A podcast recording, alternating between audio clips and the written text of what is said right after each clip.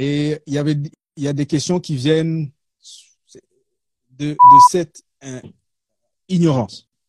Parce qu'on entend des petits clics, donc on, on, se dit, on classe la personne, euh, ce, cette personne-là, il est dans ce coin-là. Et la première question est, euh, c'est un peu long, donc tu vas-y, vas-y, prends un peu de patience. Elle dit, il y a un idée, il y a un idéal. Donc, en fait, la personne dit que vous présentez un idéal sûr, ok? Il faut, il faut être marié, tout ça. Ok, parfait. Mais il dit, étant donné que le sexe est un besoin comme tant d'autres, hormis le contexte culturel et religieux, donc les restrictions, les, euh, les commandements et tout ça, c'est quoi une vie sexuelle saine? Ok. Ok. Une vie sexuelle saine, c'est d'abord une vie sexuelle qui est en dehors des dangers. Ça fait réfléchir Ça fait, réfléchir. En dehors des dangers. J'ai dit, j'ai dit, tu as dit que j'enlève les histoires religieuses bibliques. Ouais. Scientifiques, tu vois, ouais. scientifiques.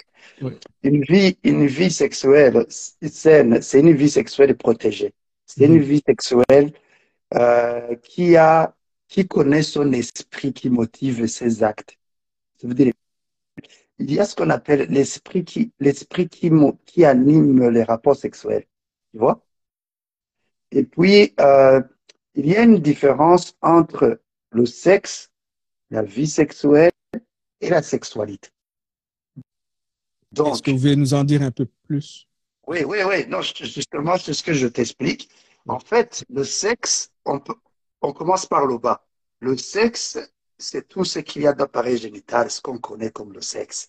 Mmh. Et là, il y a tout un arsenal des organes à l'intérieur, que ce soit sur le sexe masculin ou féminin. Tu vois mmh. On évolue.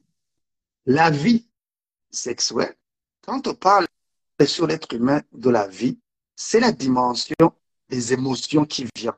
Tu vois C'est les émotions qui viennent. Ça veut dire, quand on parle de vie sexuelle, c'est l'appareil génital que je viens de dire, connecté avec ce qui se passe dans le cœur, tu vois, ouais. les envies, les plaisirs, les dégoûts, les appétits, les satisfactions, les soifs. Tu vois tout un arsenal d'émotionnalité derrière, tu vois? Ouais. Tu connectes avec l'appareil génital. C'est ça qu'on appelle la vie sexuelle. Donc, il faut que les gens, les gens comparent le sexe et la vie sexuelle. Et puis, la sexualité, c'est le macro, c'est qui, qui englobe le tout. C'est le mmh. contenu bio, psycho, social de l'être humain en termes de sexualité. Là, là, il faut que, faut que je vienne à, ouais. le 11. Donc, ça veut dire quoi? Quand on parle de contenu bio, c'est le corps, c'est tout le corps. Tu vois? Psycho, c'est le cerveau. Tu vois? Et le cerveau, j'ai toujours demandé aux gens, quand on parle d'une vie saine, d'une sexualité, d'une vie sexuelle saine, on n'oublie pas le cerveau. Parce que entre le cerveau et le sexe génital, qui commande l'autre? Qui donne les hormones de sécrétion, d'érection de, de, et de... C'est le cerveau. Tu vois? Alors, on ne peut pas être saine sur l'appareil génital et si ici ça ne marche pas. Tu vois ce que je veux dire? Alors, social, ce sont les relations. Donc, quand on parle de sexualité, c'est ces trois dimensions-là. Bio, mm psycho et social. Donc, quand on parle de sexualité et que les gens comprennent le sexe, ça c'est étouffer la science. Wow. C'est comme si on parlait de toi et qu'au lieu de voir toi en généralité, on, on voit, cette grosse tête. Je ne sais pas si on peut comprendre. Oui, oui, non, comment vivez-vous cette, euh, la vie publique d'éducateur en, en, sexologie et en vie de couple? Comme il y a beaucoup de... Et tout le monde a une opinion alors que c'est pas tout le monde qui est expert. Oui, oui, oui. Ça, ça, je dirais même euh, au début, quand j'ai commencé, au début, au début, depuis euh, 2000, 2013, 2012, quelque chose comme ça. Mm. quand j'ai commencé avec ça, écoute, c'était euh, la galère. Les gens disaient, culture Burundi, Sanzé, tu vois. Genre, euh, il y avait des menaces réelles, je te dis. Ouais. Donc, euh, tu veux euh, chauffer les enfants, genre, tout consort. Mais parce qu'ils ne savaient pas le contenu que je donnais. Et du Mhm. coup, c'était ça. Donc, c'était un combat parce que déjà, notre culture euh, est un obstacle majeur d'abord à l'éducation sexuelle. Et puis, euh, je me souviens que aussi, j'ai, et puis, petit à petit, quand ils ont su le contenu que je donne, c'est là où ils ont commencé même à m'inviter dans les écoles internats, tu vois, parce que là, vous voyez que euh, le contenu que je donne, ce n'est pas de les amener dans l'embauche, mais c'était beaucoup plus de se connaître pour mieux se gérer. Tu vois ce que je veux dire? Et donc, du coup, euh, c'était ça. Et puis, deuxième euh, bombe à retardement est venue quand j'ai commencé avec les mariés. Étant non marié. Étant non marié, ah, il faut, il faut, parce il faut que- être fort. hein. je te dis, euh, marié, c'était ça. Mais, mais en fait, ce que j'ai vu, comment c'était ce que j'ai. Moi, je n'ai jamais invité les mariés. Bonjour. Bien? Ego, ni bon cyane, ndakumva, ni bon. Nakumva neza sinzi ko uvuga cyane cyangwa ukwegera. Aha, Ça va? ça va. ni bon? Buke, mu- sindakumva neza nge gato. Oui, oui, oui. Je ndakumva Ah. cyane kabisa. Ubu ni sawa, ubu ni sawa. Karibu, karibu, va? karibu. Ça va bien, ça va bien. C'est Euh, c'est la fin de la semaine pour moi. Oui, oui, oui, c'est sûr, c'est sûr. Oui, oui. La semaine est surchargée, dit et tout ça, mais ça va, ça va. Et vous? Eh, Ego, ewe, ni bon cyane, murakomeye. Kidogo, kidogo, kidogo. Na- Je, je, je, je m'excuse, j'avais oublié carrément. carrément. problème. Oui, oui, oui. J'ai pris l'enfant à la garderie et puis euh, du coup, euh, j'avais oublié, euh, mais ça va. Ok, no, nta ngorane. Ka- Kazima twahashitse. Oui, oui, oui, oui, oui, oui. enchanté kabisa. Eh, wakoze ku- ku- kuza dusangire ijambo. Ah oui? Ah oui? Moi, vraiment enchanté. nawe vraiment comme mwanumiye kabisa. Yeah. Ah oui? Ah Ah, oui? Kuba kuba atabibonye ngira ngo bata- bataba bafise ntuze Instagram yawe. Tu, vous préparez une conférence débat sur Zoom. Euh, les informations sont sur Eventbrite ou directement sur votre, euh, votre compte Instagram et même sur YouTube, je pense qu'il y a des liens dessus. Et où vous allez parler de, du sujet où vous- dont, que vous maîtrisez en fait. C'est sexualité, couple, vie, vie saine, vie de couple et, et tout ça. On va essayer de, de parler de la même chose, mais sans entrer trop dans les détails. J'ai quelques questions. J'ai pu parler à certaines personnes qui avaient des questions. Moi, j'ai deux ou trois questions. Mm. Et Mm. je vais vous demander une réaction parce que s'il y a une question, en fait, il y a eu beaucoup de réactions sur Internet, mais on n'a jamais eu votre réaction. Euh, Je suis absent là-dedans, c'est vrai. Oui, mais pour commencer, Ok. je vais faire juste une brève introduction. Donc, Béni, c'est, vous, êtes, vous avez, l'expertise en sexologie et en sociologie. Oui, oui, ce oui. oui. Donc, d'après ce que j'ai pu euh, euh, avoir lu, lu sur Internet, mais est-ce qu'il y a d'autres choses? Parce que c'est vraiment court comme introduction, mais vous avez beaucoup d'informations sur Internet si les gens veulent avoir plus.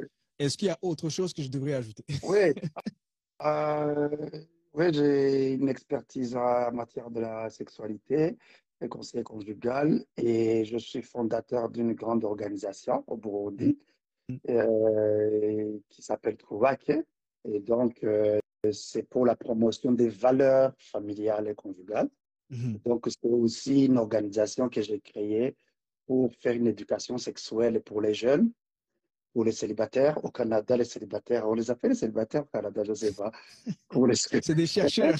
oui, oui, oui, pour les célibataires. Dernièrement, j'ai su qu'il y a les conjoints d'au fait. Je ne savais Oui. pas. Donc, Oui. euh, et pour les mariés. Donc, euh, euh, nous avons aussi une grande, grande espace de- d'encadrement à l'éducation sexuelle dans les universités, les écoles secondaires au Burundi. Et maintenant, nous avons eu un projet sur la lutte contre les violences sexuelles qui se font dans les ménages. Donc, euh, euh, voilà. Et puis, je suis beaucoup plus dans le digital. Il y a plusieurs vidéos de moi qu'on peut trouver sur euh, ma page Facebook, Instagram, euh, TikTok aussi, je crois. Il y en a. Et donc, du coup, euh, c'est là où il y a plusieurs euh, vidéos de sensibilisation, d'éducation Et puis, euh, il y a aussi une page privée que je viens de créer euh, très récemment, une fois arrivé au Canada. Oui. Donc, sur la page YouTube. Donc, euh, vous pouvez s'abonner. Là, je donnerai des conférences sur ça. Alors, voilà. Donc, je suis représentant légal, fondateur représentant légal de l'organisation Trouvaquet, qui œuvre pour la promotion des valeurs conjugales. Et Trouvaquet, ça fait combien de temps que c'est euh... Ça fait depuis 2016, ça fait euh, combien, combien d'années? Depuis 2016, ça fait sept ans. Donc, ça fait sept ans. Sept ans, oui, oui, qui est en œuvre de ça. Euh, tous, toutes les personnes qui veulent avoir, voir ce que nous faisons, il y a la page euh, Facebook qui s'appelle Trouva Keurund. Mm -hmm. Il y a un logo de famille en noir. Oui. Donc, ils pourront voir. En fait, j'ai, on a beaucoup Twitter aussi, il y en a Instagram de Trouva euh, mais j'ai voulu être plus actif sur Facebook parce qu'au Burundi, euh, les hommes, les gens sont sur Facebook euh, quand c'était question des mégas. Oui. Donc, euh, du coup, euh, et puis ici, on m'a dit que beaucoup plus le YouTube, l'Instagram, le LinkedIn, c'est c'est ça qui, qui est beaucoup plus. Et donc, du coup, c'est ça. Voilà. Ok. Donc, on ne on ne parle jamais de sexualité sans comment dire. C'est c'est jamais ça passe pas comme une lettre à la poste. Il y a toujours un débat, il y a toujours quelqu'un qui en rajoute. Et quand vous êtes dans le milieu de l'éducation, Oui. euh, il y a toujours une forme d'opposition qui vient avec le, le territoire. Oui, le- oui, oui, oui. Le nom de, de, Bé- de Béni, ça vient avec une, une forme d'opposition. Parce que quand j'ai posé des questions, désolé, je saute directement dans la controverse, mais c'est pas une controverse parce que j'ai déjà eu une dame, une, une jeune demoiselle qui parle de d'éducation sexuelle et c'est presque le même ressentiment, mais c'est pas un ressentiment euh, hostile, si je peux préciser. Comment vivez-vous cette euh, la vie publique d'éducateur en, en sexologie et en vie de couple? Comme il y a beaucoup de et tout le monde a une opinion alors que c'est pas tout le monde qui est expert. Oui, oui, oui. Ça, ça, je dirais même euh, au début, quand j'ai commencé, au début, au début, depuis euh, 2000, euh, 2013, 2012, quelque chose comme ça. Euh, quand j'ai commencé avec ça, écoute, c'était euh, la galère. Et les gens disaient culture Burundi, Urasadze, tu vois, genre, euh, il y avait des menaces réelles, je te dis. hein. Ouais. Donc, il a, euh, tu veux euh, chauffer les enfants, genre, tout comme ça, mais parce qu'ils ne savaient pas le contenu que je donnais. Et du Mhm. coup, c'était ça. Donc, c'était un combat parce que déjà, notre culture est un obstacle majeur d'abord à l'éducation sexuelle. Et puis, je me souviens que aussi, j'ai, et puis, petit à petit, quand ils ont su le contenu que je donne, c'est là où ils ont commencé même à m'inviter dans les écoles internats, tu vois, parce que là, vous voyez que euh, le contenu que je donne, ce n'est pas de les amener dans l'embauche, mais c'était beaucoup plus de se connaître pour mieux se gérer. Tu vois ce que je veux dire? Et donc, du coup, euh, c'était ça. Et puis, deuxième euh, bombe à retardement est venue euh, quand j'ai commencé avec les mariés, étant non marié. Étant non marié, Euh, ah, il faut, il Euh, faut, il faut que- être fort. hein. je te dis, euh, non marié, c'était ça. Mais, mais en fait, ce que j'ai vu, comment était ce que j'ai, moi, je n'ai jamais invité les mariés. Ce sont Mhm. eux qui ont voulu que je les enseigne parce que j'organisais des conférences, des ateliers des jeunes Mhm. en 2000, euh, je me souviens, 14, euh, 2016, quelque chose comme ça. Et puis, ils m'ont dit, les jeunes, quand leurs parents les prenaient après l'atelier, et puis, euh, euh, ils partageaient à leurs parents ce qu'ils ont étudié, tu vois, ce qu'ils Mhm. ont eu comme message. Et là, les parents, ils m'ont dit, dans, dans la clôture de cet atelier, c'est là où j'ai commencé à enseigner les, les maris, c'était les parents des jeunes. Les parents des jeunes. Ok. Oui, oui. Bah, c'était un impact réel, qualitatif, parce Mhm. que euh, ils ont dit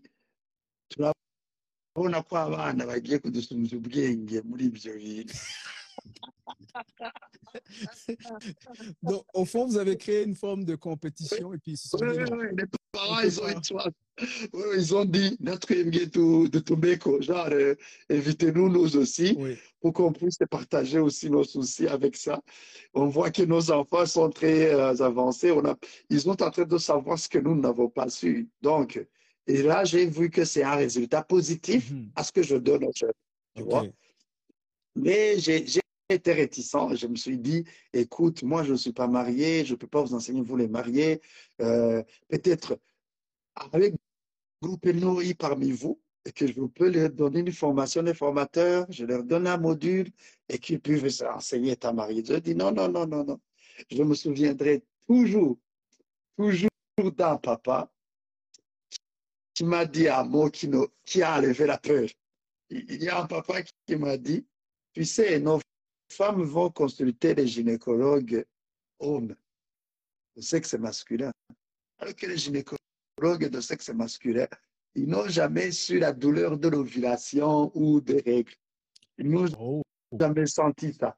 Mais ils donnent des connaissances de guérison à nos femmes étant des hommes. Tu crois que les femmes, euh, c'est la connaissance, la fille? Donc, c'est plutôt un besoin de transfert de, Voilà, de.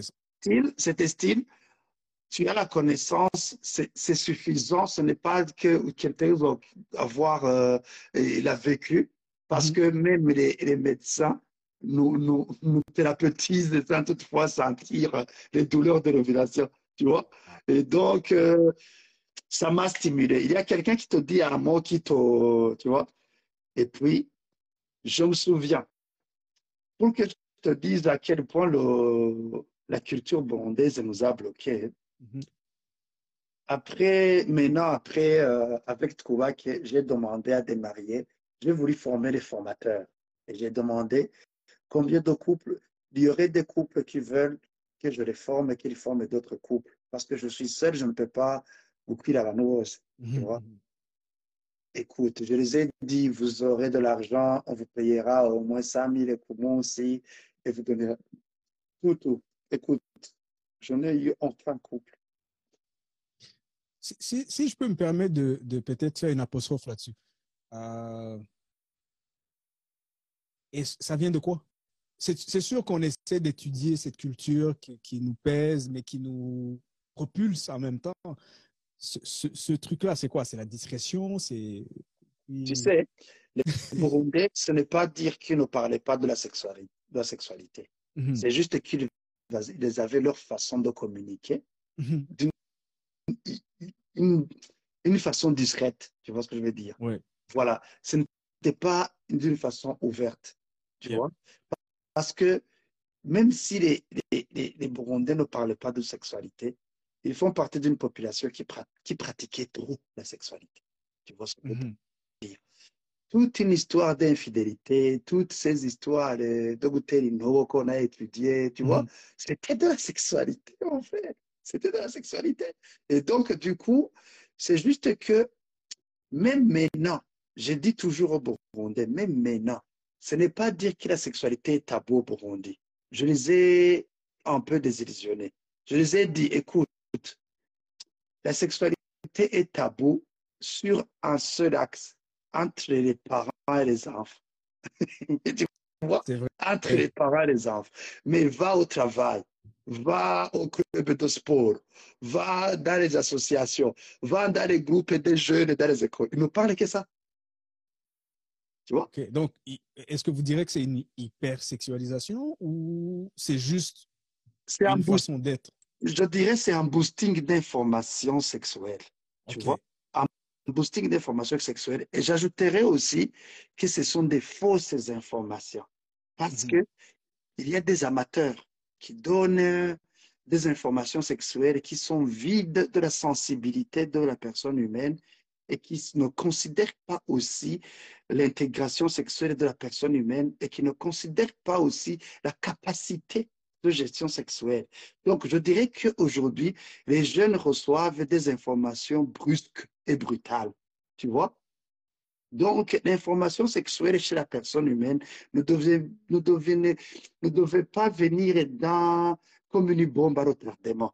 Ça devait venir dans un emballage cadeau où tu dois ouvrir petit à petit, tu vois, et arriver à ce qui correspond avec toi, tu vois? Et donc, je dirais que maintenant, les, les, les réseaux sociaux, les, les, les, les quoi, la modernisation, l'évolution de la technologie en communication donnent des informations brusques et brutales, tu vois. Mhm. Et d'où les gens, ils ont une tendance à se, tu vois, ikintu ikintu kiryoshye cyane on a tendance kukirya cyane tu vois donc C'est abusé, en fait.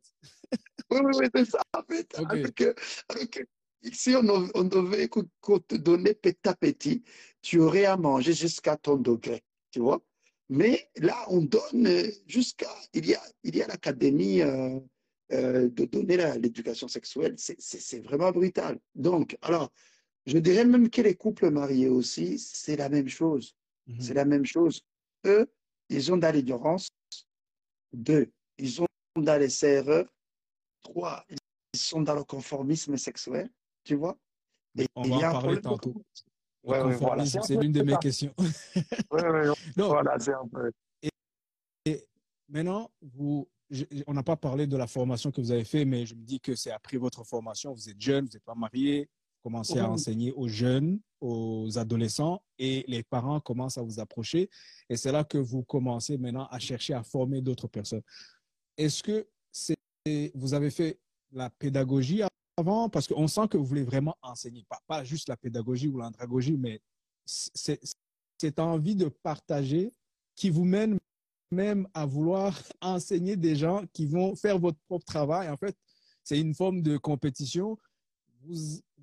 Est-ce que c'est parce que vous avez senti qu'il y avait beaucoup plus à faire que vous ne pouviez pas le faire seul? Oui, oui. En fait, euh, je crois que d'abord, euh, enseigner la sexualité, d'abord, ça a été une passion. C'est la Ok. première chose, avant même au secondaire. Et puis, j'ai, je suis, j'ai évolué dans un monde de, de l'Église catholique, des jeunes. Mhm. pastoral de famille. C'est là où ils ont vu ce don que j'avais d'enseigner, de transmettre. Et j'ai fait la formation en sexologie. C'est venu après, alors que j'ai commencé déjà à enseigner sur ça, avec des modules de l'Église catholique Sur euh, la sexualité, la théologie sexuelle, tout qu'on sort.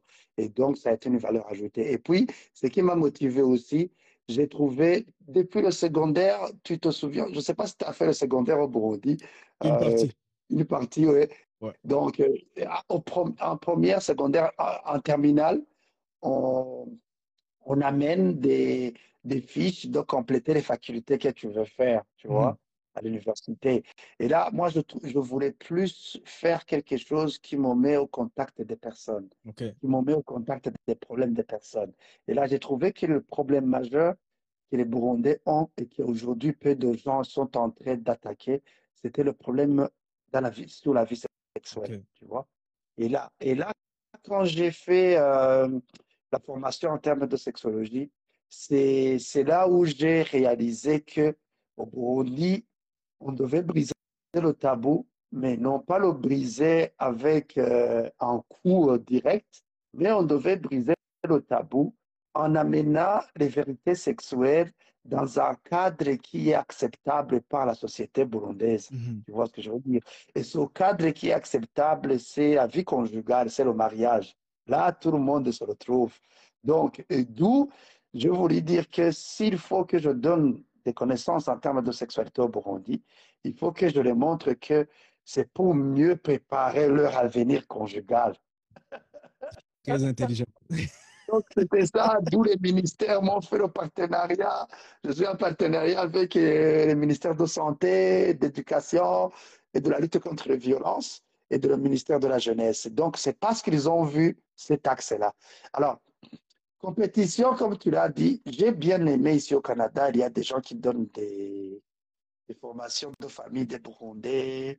J'ai vu euh, sur YouTube, sur les réseaux sociaux. C'est bien, c'est bien. Mais je les ai dit dernièrement, j'ai dit à quelqu'un, comment dire, à la dame de Pasteur Olivier, quelque chose comme ça. J'ai dit aussi à quelqu'un de Bramatari qui donne des trucs de famille. Je les ai dit, écoute mes amis, euh, dans ces histoires, ne font jamais de compétition. Tu vois? Kubera c'est business. C'est pas un business. Ce que je veux, mettons nos forces ensemble, faisons un consortium. Tu vois? Un partenariat. Parce que si nous sommes conscients qu'il y a beaucoup de gens qui veulent être aidés dans ce coin, dans ce point-là, ne travaillez pas en solo. Par contre, travaillons en équipe, tu vois, et que chacun met sa force comme en équipe. Parce que euh, dans des projets humanitaires comme celui-là, on ne peut pas travailler en solo. Même Mhm. si on veut vous financer, on ne finance pas une seule organisation, tu vois. Donc, c'est un peu ça ma logique. Moi, je ne peux pas me comparer avec les gens parce que chaque personne dans ses histoires d'enseigner, il a sa touche. Tu vois ce que je veux dire? Il a sa touche. Et je sais que moi, touche la sexualité, beaucoup de personnes ont peur de ça, si tu veux, de parler de, de parler de relations, de gestion des conflits, tu vois, genre. Mais quand on parle de sexualité, là, il m'invite pour qu'on puisse parler. C'est ça, en fait, la communion des, des forces. Voilà, c'est un peu ça que je peux dire. Voilà. Et, et vous avez dit que ah, maintenant à Montréal, vous, vous, vous essayez d'entrer en partenariat, vous êtes déjà en partenariat avec d'autres personnes. Bon, Euh, Ouais. je voulais prendre Ouais. l'opportunité de parler du 11 parce que bon, on veut quand même que les gens sachent que les, le projet, euh, vous allez vous allez donner une conférence, il y aura un débat. Pour les gens qui veulent participer, c'est pas juste en, en présentiel, c'est en virtuel. Est-ce que vous nous en Ouais. dire un peu plus? Ouais, en fait, euh, Boris, je pense que tu connais Boris, Oui, je euh, connais Boris. m'a contacté Ouais. avec Map Event. Ils m'ont dit, euh, ils ont su que je suis là. Et moi, quand je suis arrivé ici, j'ai un peu gardé le silence.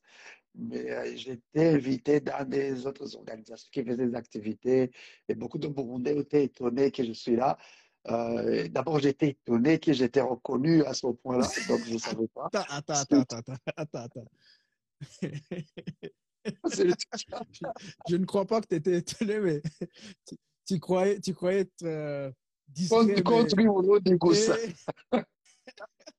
Ok, Écoute, continue, continue. Je ne continue. savais pas. Ouais. J'étais à Ottawa dernièrement, euh, à l'université de Bridge, avait organisé quelque chose. Donc, euh, tous les Burundais m'ont salué d'une façon. Écoute, je dis, je suis touché. Alors, alors, donc, euh, Boris Selelo m'a demandé des MAP 20 de commencer quelque chose ici au Canada. On a fait une réunion ensemble, tu vois. Mhm. Je les ai dit ma conviction. Je les ai dit, écoute, moi, commençons sur quelque chose de digital, vu que le Canada n'a pas de problème de connexion, tu vois. Mhm.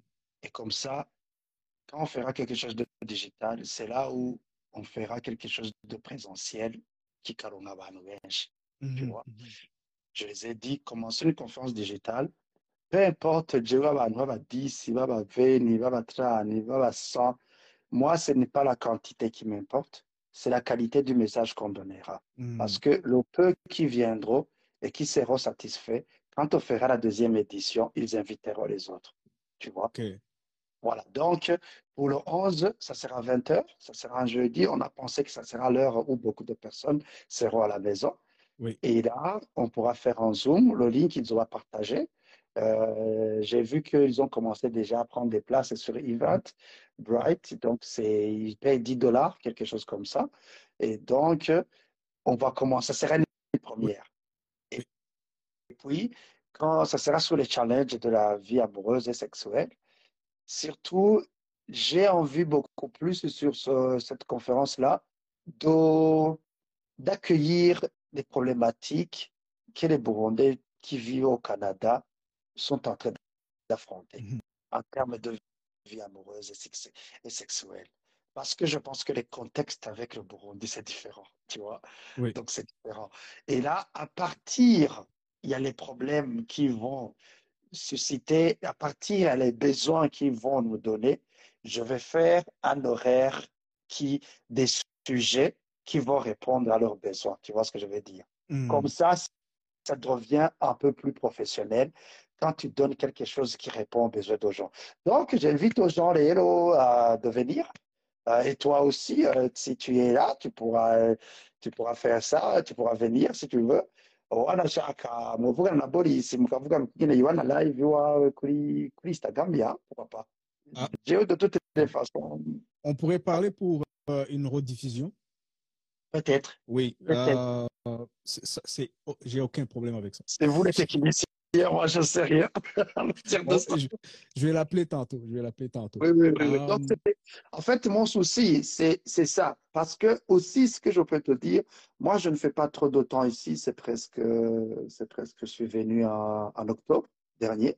Et donc, mais d'après ce que beaucoup de gens m'ont dit, il y a beaucoup de difficultés difficultés. Mais affrontons ça. Donnons, ce n'est pas dire que c'est tout le monde qui vit les difficultés, tu vois, Mhm. mais aussi à celui qui ne vit pas encore, ils peuvent savoir comment prévenir, comment protéger, comment ne pas, tu vois. Et, et donc, moi, j'ai toujours dit aux gens que, euh, en termes de sexualité, il n'y a pas de conformisme et il n'y a pas de désespoir. Donc, euh, Et, et ça fait plaisir d'entendre parce que, euh, en fait, comment vous positionnez l'éducation euh, Oui, oui. sexuelle et vie de couple Oui, et tout oui. ça Oui. dans le contexte culturel. Parce que c'est, c'est, je pense que c'est la partie qui fait réagir souvent quand, quand par exemple, j'ai entendu, c'est l'une des questions qui va vous demander, je vais vous demander une réaction. Deux, des réactions, c'est, vous dites, vas-y. Saint-Valentin, c'est pour les gens mariés. Ah, tu as vu la vidéo? Mais non, mais non, j'ai- comment j'ai pas vu la vidéo? Euh, et, et, et la- courant. je te jure. Et, et ça a fait le tour. Moi, sans avoir écouté, sans avoir eu la chance de te parler, j'ai eu la, la même réaction. Je me dis, mais attends, fais attention parce que tu vas te faire lapider. Mais maintenant, je comprends que c'est dans le contexte culturel. Vous avez dit c'est interdit. Je vous conseille, si, si vous êtes célibataire, c'est trop pour on dit oui, ça, ça, ça disait bien parce que le, le clip dit Saint-Valentin c'est pour les gens mariés. Mais en fait, il y a une partie qui est coupée. Il faut aller sur le, le, le site euh, Kukai, Pam TV pour entendre en fait toute la question et toute la réponse. Oui, oui, Et, oui. et, et ça, ça fait plaisir de savoir comment c'est positionné parce que maintenant, c'est plus exclusif aux gens mariés, c'est c'est plus exclusif aux gens euh, purs. Donc, c'est la, la question de pureté qui se pose où les gens se, se disent Hey, mais moi je suis plus pur donc est-ce que je suis exclu? Parce qu'on parle d'inclusion et ça fait plaisir d'entendre comment c'est euh, positionné. Par contre j'ai des questions que je dois poser parce que j'ai eu quelques conversations pour savoir qu'est-ce que qu'est-ce que tu veux savoir et tout. Et il y avait il y a des questions qui viennent de de cette euh, ignorance. Parce qu'on entend des petits clips, donc on, on se dit, on classe la personne, euh, ce- cette personne-là, il est dans ce coin-là. Et la première question est, euh, c'est un peu long, donc tu Vas-y, vas-y. demande un peu de patience. Elle dit, il y a un il y a un idéal. Donc, en fait, c'est- la personne dit que vous présentez un idéal sûr, ok? Il faut, il faut être marié, tout ça. Ok, parfait. Mais il dit, étant donné que le sexe est un besoin comme tant d'autres, hormis le contexte culturel et religieux, donc les restrictions, les, euh, les commandements et tout ça, c'est quoi une vie sexuelle saine? Ok. Ok. Une vie sexuelle saine, c'est d'abord une vie sexuelle qui est en dehors des dangers. Ça fait réfléchir? Ça fait Ça fait réfléchir.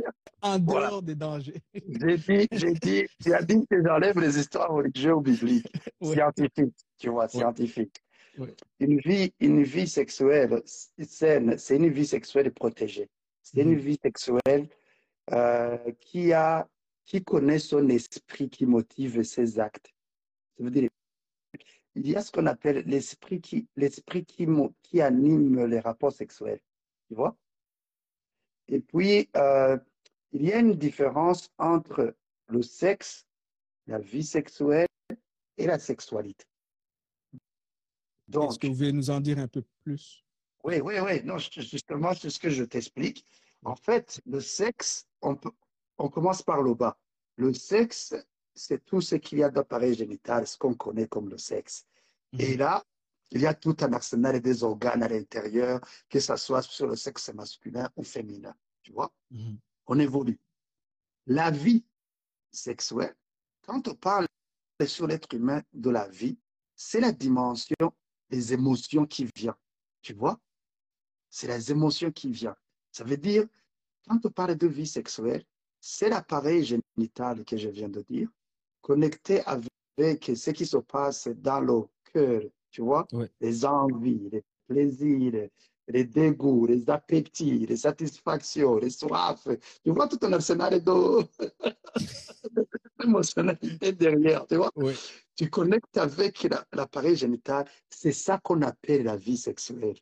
Donc, il faut vraiment que les gens, les gens parle le sexe et la vie sexuelle. Et puis la sexualité.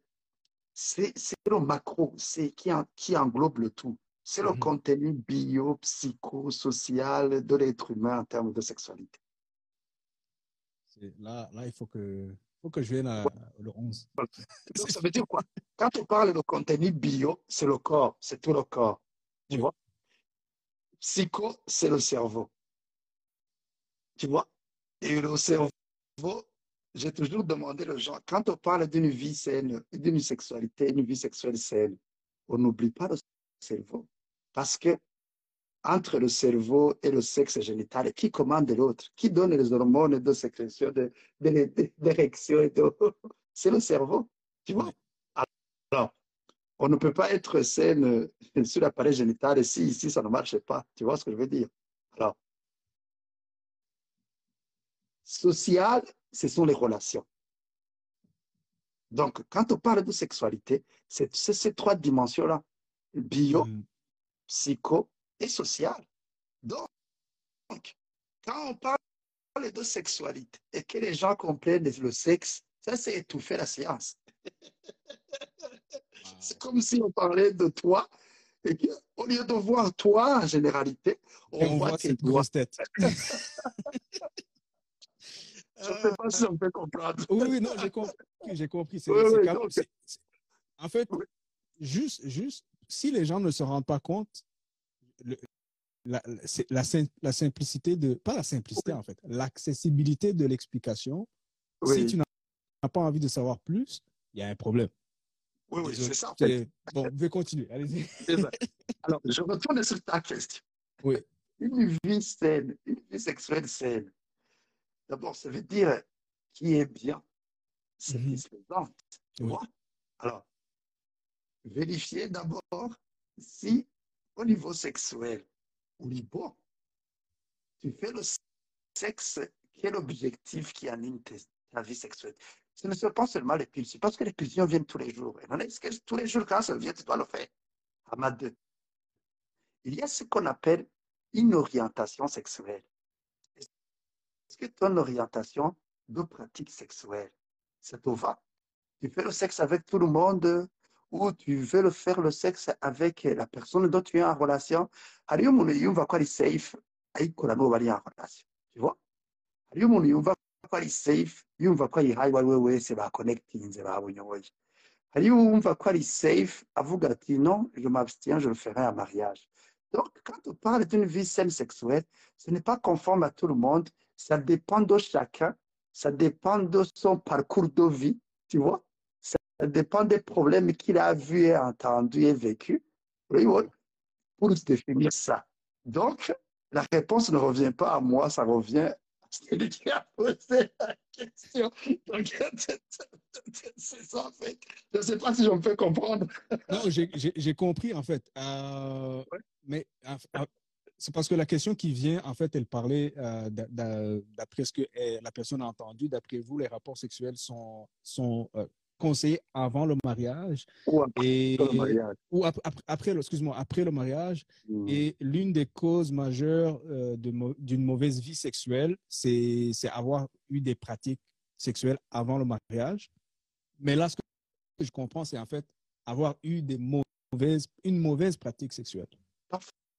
fait. Parce que, parce que, parce que une mauvaise pratique sexuelle, c'est, une pratique sexuelle qui n'a pas d'objectif, qui n'est pas orientée, que tu veux faire en désordre, en fait. Vide de sens. Oui, oui. Il y a ce qu'on appelle l'intelligence sexuelle. Il y a des gens qui vont faire des pratiques sexuelles sans l'intelligence sexuelle. Parce que la vie sexuelle embrasse tout un arsenal de, des éléments qui nous entourent sur notre vie. Ce n'est pas quelque chose qui est à part. Tu vois? Pas quelque chose qui est à part. Je te donne un exemple. Il y a des gens qui, qui font des ruptures à cause des dégoûts sexuels. Il y a Ah. d'autres qui sont déçus dans des ruptures en disant, si j'avais pas su, j'aurais pas accepté qu'on le fasse. Tu vois? Oui. Donc, ça veut dire quoi? Hum, Ça veut dire que l'acte sexuel qu'il a fait, il est en train d'embrasser ses pensées, d'affecter ses pensées, ses émotions et le regret là. Donc, le sexe ne vit pas seul. C'est- une bonne chose que vous avez pris la, la, la science en main parce que Oui, oui, oui, oui. Il, il faut qu'on, En fait, chaque personne a sa conception sexuelle. Mhm. C'est juste, les gens, il faut savoir, soit dans ton information sexuelle que tu as, elle n'est pas fausse. C'est juste que, en Kirundi, tu vois, quand on veut cuisiner le riz, le truc là qu'on fait, c'est comment? Quand on prépare kugosora. Gosora. Voilà, Enlever les, kugosora. en- enlever les, les, les pépins. Voilà, voilà, voilà, voilà. Donc, Waouh, waouh. Ah, ok, ok. Oui. Donc c'est un peu ça, c'est un peu ça. Donc je- je- moi pour les Burundais, je ne veux pas les donner une information nouvelle qui est au-delà de ce qu'ils vivent. Non. Par contre, sur, sur ce contenu qu'ils sont en train de vivre, qu'est-ce qu'ils font enlever, qu'est-ce qu'il faut sauvegarder? C'est là la sensibilité de chacun. C'est ça en Mhm. fait, parce que il y a une tendance de faire le conformisme. Il y a une tendance de faire le conformisme. Et ça, c'est trop dangereux, c'est trop dangereux. Alors, pour la question de la Saint-Valentin, Non, non, je, je posais la question de la Saint-Valentin après. Juste Oui, élaborer oui. un peu sur le conformisme parce que euh, je pense que c'est très lié à, à la question de la Saint-Valentin. ah oui, ah oui, parce que tu sais, là, là Aïe, février, c'était en février, j'avais retourné au Burundi, hein. et là, on m'a demandé, les, les journalistes me cherchaient partout euh, pour me dire ça, et, et puis, euh, euh, il y a des messages dont je ne peux pas donner au Burundi vu l'orientation de l'éducation sexuelle. Oui. Tu vois ce que je veux dire? Alors, mais, et aussi, il y a la vérité sur le, le Valentin en soi, tu vois ce que Oui. je veux dire? Il y a ce qu'il prêchait, tout le monde peut le voir sur Internet. Euh, Chaque personne peut écrire sur Google, il écrit les enseignements de Saint-Valentin en PDF. Il y a tout un arsenal, il prêchait pour les mariés, tu vois. C'est juste que, muri azibya tubifata un peu le business, d'où les cadeaux, euh, euh, mais dans les pays sous convention catholique, c'est tout autre, tu vois. C'est une fête même qu'on célèbre, tu vois. Donc, c'est à Mm. partir de nous. Alors, mais en termes de vie sexuelle, moi, je crois que il faut faire très attention à des fausses idéologies qui circulent, Mhm. tu vois? Imagine quand quelqu'un reçoit une fausse idéologie sexuelle, alors qu'il était vide de connaissances authentiques en termes de sexualité, il va se cogner, il va se cogner. Je te dis, en fait, je te, je dis quoi? Alors, ma fausse idéologie, exemple isanzwe. Oui. Bindi bavuga ngo, ngo utagize sexe avant mariage, ngo izokunanira dans le mariage. Donc, il faut le faire avant le mariage kugira ngo uzobishobore dans le mariage. J'ai toujours dit aux gens, écoute, arrêtez de donner de l'opium. C'est, muko murabesha abantu. None, niyo abigira avant mariage akabigira n'abatipe bane batanu, canke uh, akabigira n'abakobwa bane batanu, agaca n'uw'umunani. Est-ce que ce sera la même sexualité? Les filles n'ont pas la même sensibilité. Les garçons n'ont pas la même sensibilité. None, je dis, Murugo, on apprend. Ce n'est pas ton expérience qui va venir. Donc, ce n'est pas ce que tu as fait avec Chantal que tu vas le faire avec Janine aujourd'hui. Donc, du coup, parce que Chantal na Janine, elle est différente. C'est ce que je veux dire. Non, je bimwe. parfaitement. Eh. Alors, arrêtez, arrêtez, arrêtez de, que chacun le fasse selon uko abishaka.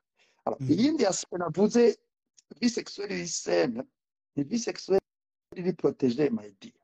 Il est protégé. Oui. Quand on parle de protéger, ce n'est pas seulement il y a la physique. protection génitale, Oui. oui. Oui, physique et biologique, mais aussi il y a la protection ici, Mental psychologique, et, mentale et émotionnelle. tu vois, émotionnel. Ouais. et émotionnelle. Parce que tu ne peux pas aimer tout le monde et nourrir assez. Donc, tu ne peux pas te donner à tout le monde. Attends, attends, attends. Je, je, je. Et, Ok, ok, parfait, parfait. Vas-y, continue, vois? continue. Et puis, et puis aussi, il y a des gens au- qui font, tu vois, n'abantu bakora sexe cyane, ntiwibaze ko ari abantu, ko ari abantu bayikunda cyane. Cyane ari abantu bari plus kurusha abandi. Il y a des gens qui font le sexe kubera dégoût, autodégoût, bifiseko. Et, et agaca aja mu ma pratique sexuelle atari uko abikunda. Mugabo kubera yideguta akavuga ati allez je me donne à tout le monde pourvu que j'ai l'argent. Donc il aime plus l'argent plus que son corps. Tu vois ce que Hmm. je veux dire? Et Et ça, c'est- c'est l'une des millions de particularités qui peuvent mener à une vie sexuelle malsaine. malsaine tu vois ce que je veux dire? Alors que ari libre ari majeur mubona ko ari umuntu afite ubwenge aciye ubwenge mais au fond il est propice dans la misère d'où cette misère. Il iraactiva ces pratiques sexuelles mubona je le développerai dans cette conférence là je ne donne que des, des, menus tu vois.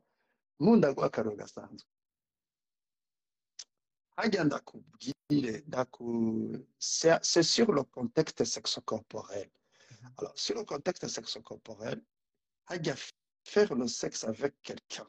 La communion des sexes c'est aussi la communion des esprits. Et c'est aussi la communion des, communion des esprits. Nk'ubu euh, euh, hariho des problèmes qui peuvent arriver des malchances qui peuvent arriver. Bivanye n'abantu mwaryamanye bro Et kubera ntuzi ibintu baciyemo ntuzi donc ntuzi son sang qui circule dans son appareil génital tu ne sais pas de quel de quel truc elle a vécu. Et toi donc il y a tout un aga c'est c'est le seul organe qui entre en communion. C'est pourquoi de faire le sexe avec quelqu'un tu devais au moins basi checker ko ari umuntu ari authentique. Ko ari umuntu basi yakuriye mu buntu basi urabibona ko ari umuntu parce que aussi longtemps que toi tu as combattu pour tes valeurs comment est-ce que tu veux les déverser sur quelqu'un qui n'a pas de valeur. Au fond c'est toi qui est En fait, c'est se compromettre, en fait. c'est ça. C'est ça. C'est ça. C'est ça en fait. J'ai j'ai j'ai j'ai hariyo abarundi twigeze guhura i burundi baje muri twigeze guhura baje muri vacances et puis euh, puis nyuma barambaza des questions je les ai dit écoute ukundanye n'umurivari muravanye ejo ukundanye n'umuhayisi muravanye ejo ukundanye n'umu n'umurusiya muravanye kandi bose mwararyamana urashobora kumbwira le nombre des esprits ziri muri wewe z'abantu bari différents c'est énorme et chacun va va t'aimer de sa façon Yes. Donc, il y a une dimension aussi, oh, après les trois dimensions, il y a aussi une dimension spirituelle. exact. Toute autre chose, euh, toute autre Comme pratique. tout- voilà il y a l'esprit qui anime la politique il y a l'esprit qui anime l'économie il y a l'esprit qui anime euh, le- la, communauté il y a aussi l'esprit qui anime le sexe bro Wow. Ok. parce que le sexe est Wow. Ok. Il faut pas, il faut pas trop en dire parce que euh, euh, il faut que les gens puissent venir sur Sourcé pour ne pas avoir des, Voilà, c'était des ça. petits points il y aura d'information. beaucoup. Il y aura Oui. beaucoup. il faut qu'on va y abonner. Ça, voilà. Oui, il faut s'abonner euh, sur YouTube, il faut s'abonner sur Instagram parce que je sais qu'il y a beaucoup d'informations qui passent, surtout sur Oui, les. oui. euh, C'est comme ça que j'ai vu vos. C'est pour, euh, voilà, voilà, pour Et puis, j'aimerais remercier, parce que Boris est là, je vais le remercier. Il a, il a pris l'initiative d'organiser ça. Exactement, oui. On- C'est c'est très difficile. Oui. Déjà parce que le sujet, comment, c'est un sujet assez euh, difficile d'aborder. Euh, mais aussi, ça prend une, une organisation. Comme Boris a déjà une, une, une structure, ça, ça permet aux gens de, de s'intégrer dedans. Donc, merci et kudos à, à Map Event et Boris. Dernière question parce que j'ai pas envie de re- vous retenir longtemps. Je vais juste laisser jouer le, le petit clip Ouais. dès le début, bien sûr. Et puis, Ouais. juste nous donner, c'était quoi votre retour? Pas au Canada, parce qu'au Canada, je pense que les gens sont comme Abuja, ils, ils parlent pas trop, là. Euh, mais Abuja, qu'est-ce que vous avez eu comme retour après la diffusion? Je, je, je joue le, le son, juste un instant, et puis on va clôturer. Ah, non, ça ne- avec cette histoire. juste un instant. Saint-Valentin, question de cadeau. Donc, là, on doit toujours, pour être clair avec cette histoire, la Saint-Valentin, ni quoi nous quoi.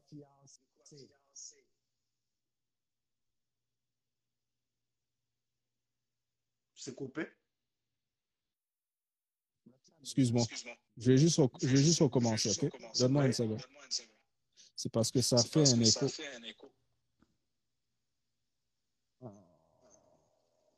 Non, la façon dont tu l'avais fait, c'était bon, d'accord, David? Ah, ok. Moi, j'entendais un écho. Ça va. C'était un. Jésus, c'est question de cadeau.